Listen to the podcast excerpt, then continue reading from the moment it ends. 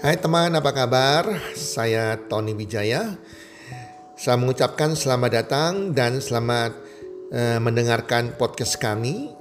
Melalui podcast ini, kami memiliki misi bagi pendengarnya agar setiap pendengarnya bisa memiliki kehidupan yang sehat, sejahtera, dan berbahagia. Kami ingin menjadi sebuah cahaya lilin di tengah kegelapan yang bisa memberikan harapan, manfaat, dan solusi bagi setiap pendengarnya. Selamat mendengarkan podcast kami dan semoga Anda menjadi pendengar untuk podcast-podcast kami berikutnya. Salam 1 2 3 salam sehat, sejahtera dan bahagia.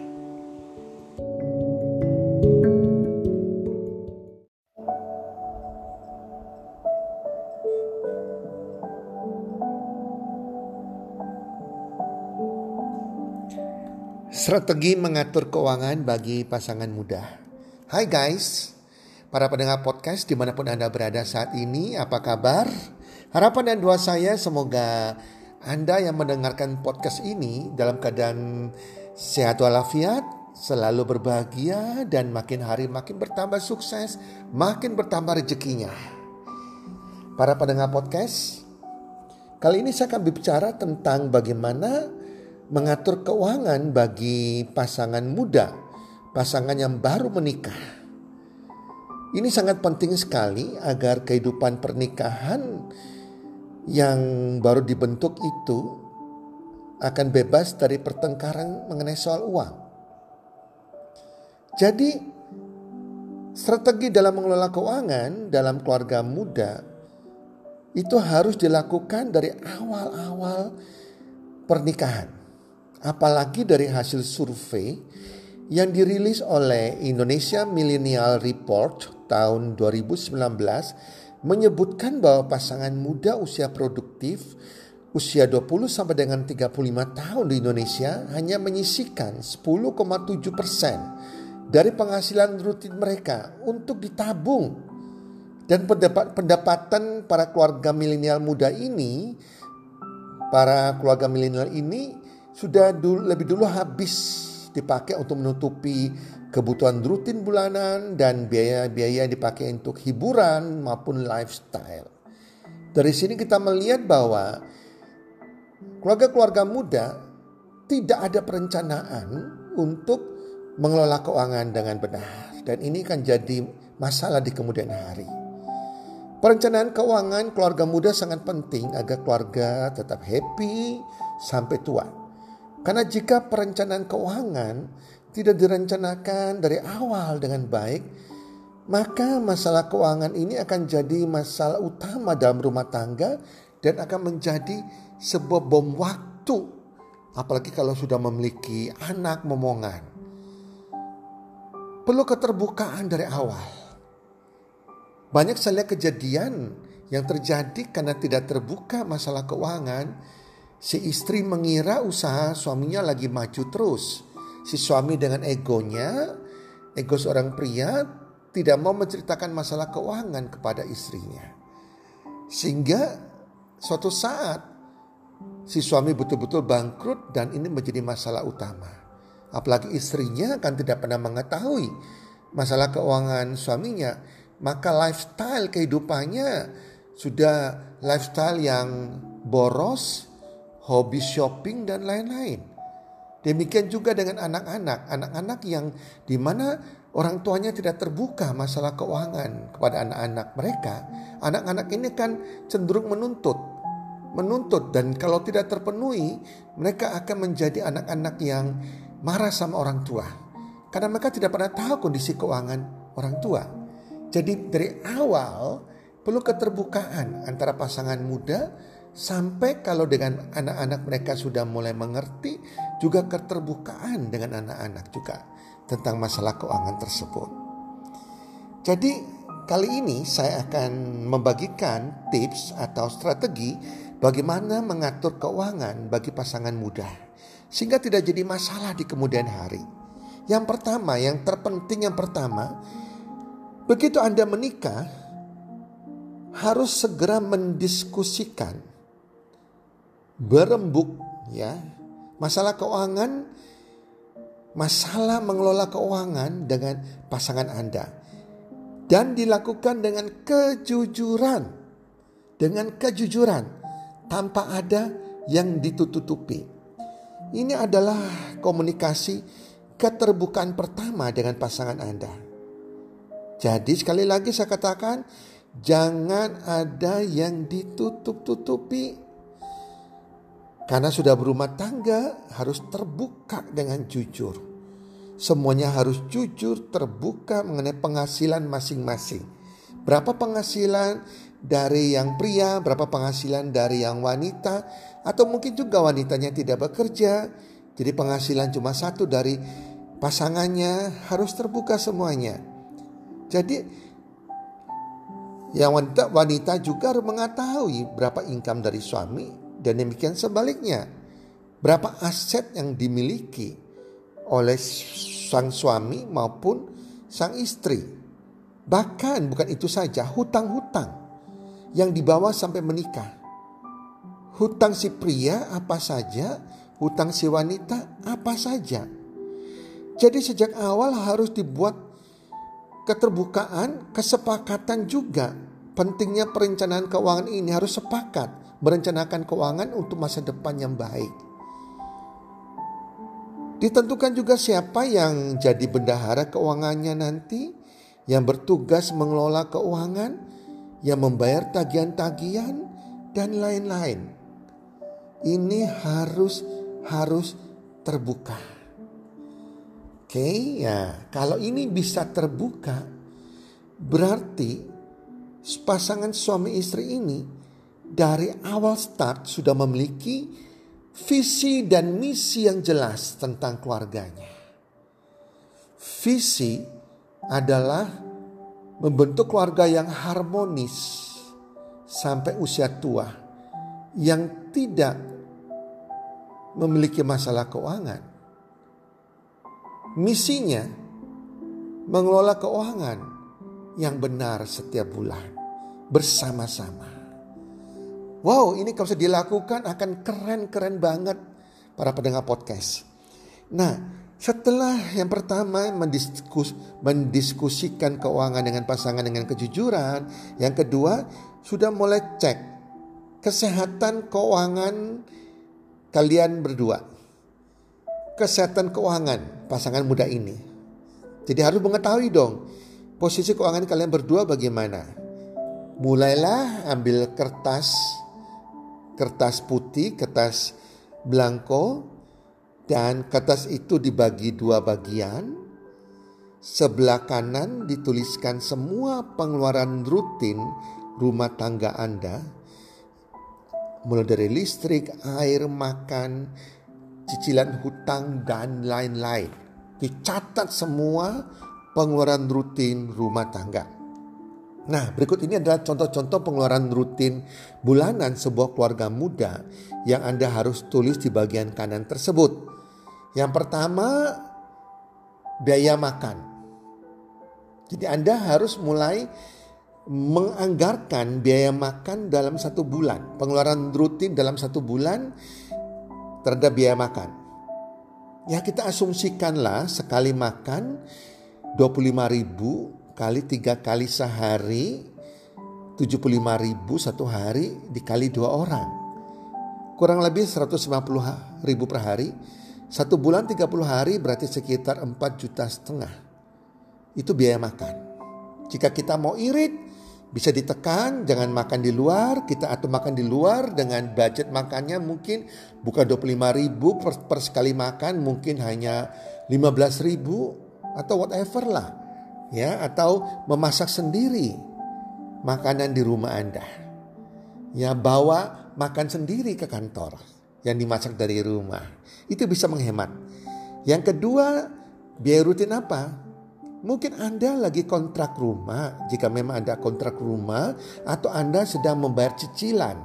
Cicilan apartemen yang Anda tinggali itu cicilan rumah. Nah, Anda udah masukkan cicilan per bulannya berapa. Itu biaya rutin. Biaya rutin listrik dan air, pemakaian per bulannya berapa? Dikira-kira berapa? Biaya transportasi. Ini adalah ongkos bensin untuk kendaraan Anda atau biaya naik ojek Anda jika Anda naik ojek atau naik taksi per bulannya berapa? Boleh diperkirakan untuk dua suami istri muda ini.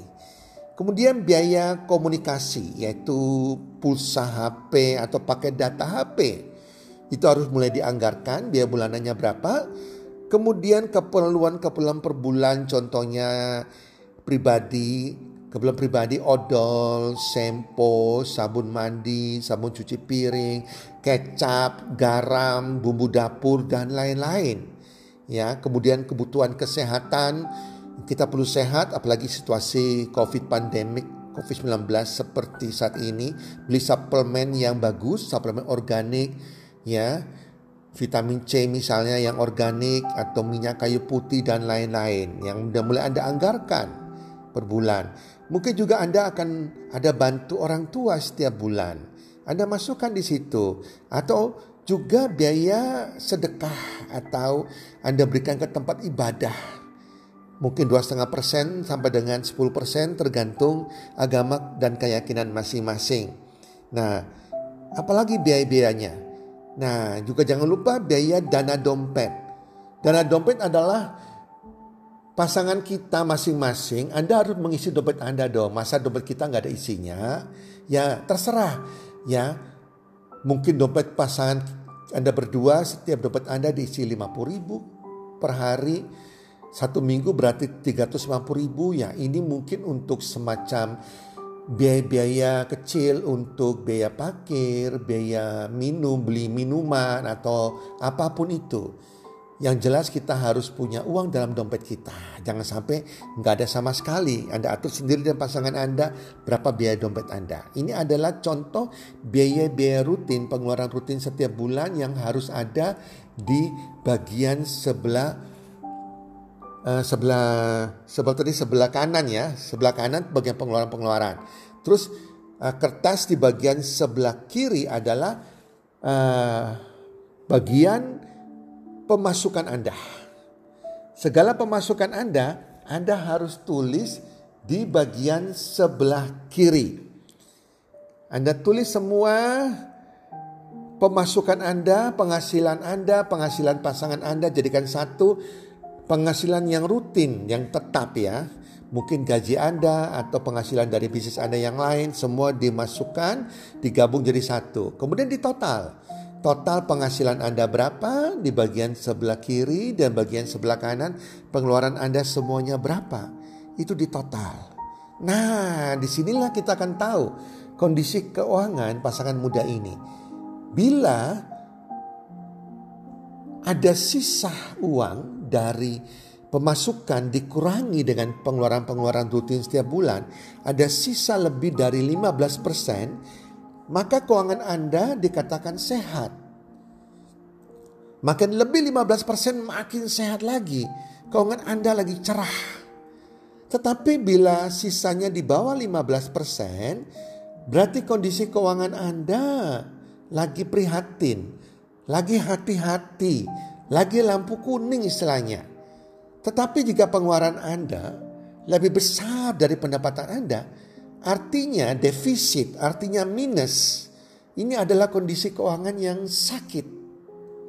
Ini harus menjadi prihatin bagi kedua pasangan muda ini.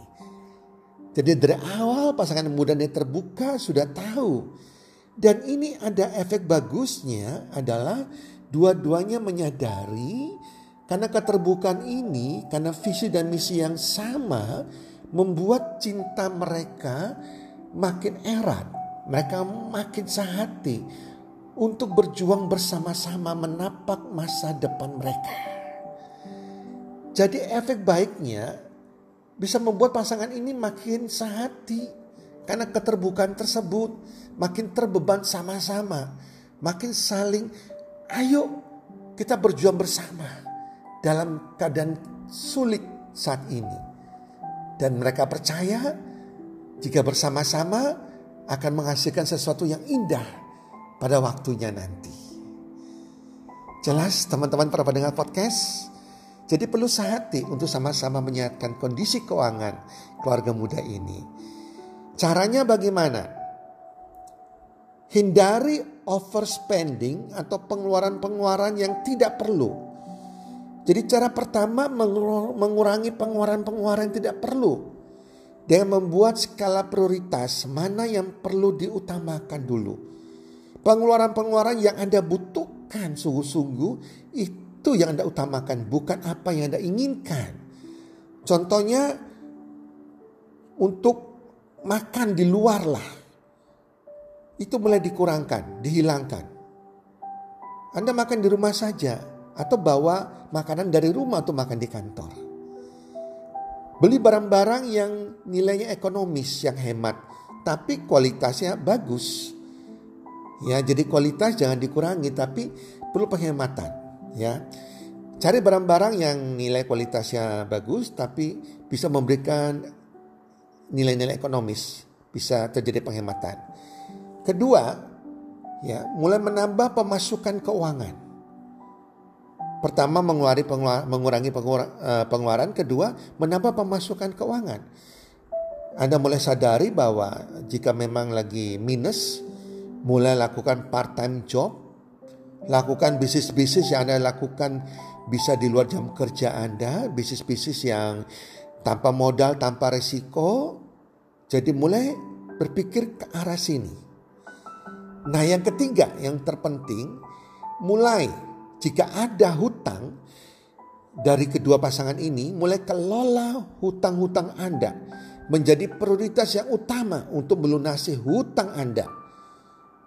Jadi kalau contohnya uh, Anda punya hutang itu lebih besar, hutang kalian lebih besar dari 30% dari penghasilan Anda itu berbahaya sekali. Hutang entah hutang kartu kredit, entah hutang cicilan uh, apartemen, cicilan rumah, cicilan kendaraan bermotor, cicilan hutang kepada pihak ketiga orang lain. Itu semua jenis hutang itu di total jangan lebih besar dari 30% penghasilan kalian. Itu berbahaya sekali. Ya, jadi bank kalau kasih kita kredit dia juga melihat Berapa sih hutangmu? Kalau hutangnya lebih dari 30% bank tidak akan memberikan kita kredit. Jadi sudah memiliki goal jangan lagi berhutang apalagi hutang konsumtif. Jangan sama sekali. Punya prioritas melunaskan hutang. Dan mengurangi hutang Anda dari waktu ke waktu. Nah, jika Anda punya dua kendaraan, mungkin pada waktu sebelum menikah Anda punya dua kendaraan, maka ya kendaraan yang satu dijual sehingga bisa membayar hutang. Pakai satu kendaraan saja dulu. Nanti kalau semuanya keuangan sudah baik, baru mulai ya Anda bisa mengganti kendaraan Anda yang lain. Jadi para pendengar podcast, khususnya bagi pasangan muda, jangan berpikir bahwa persoalan keuangan merupakan suatu hal yang tabu untuk dibicarakan dengan pasangan Anda. Pemikiran seperti itu harus dirubah. Itu pemikiran yang kurang bijaksana. Karena pengeluaran keuangan keluarga muda merupakan tanggung jawab bersama. Justru merupakan langkah pertama menyatukan visi dan misi bersama-sama. Pengelolaan keuangan yang baik tidak akan membuat Anda jatuh miskin, tapi justru membantu Anda hidup lebih nyaman dan bahagia sampai hari tua. Seperti kata pepatah, berakit-rakit ke hulu, berenang-renang ke tepian, bersakit-sakit dahulu, bersenang-senang kemudian. Para pendengar podcast khususnya pasangan muda, selamat menyusun rencana keuangan keluarga Anda dan sampai bersambung ke episode kedua dalam pembahasan masalah ini. Semoga bermanfaat dan salam sukses. One, two, three.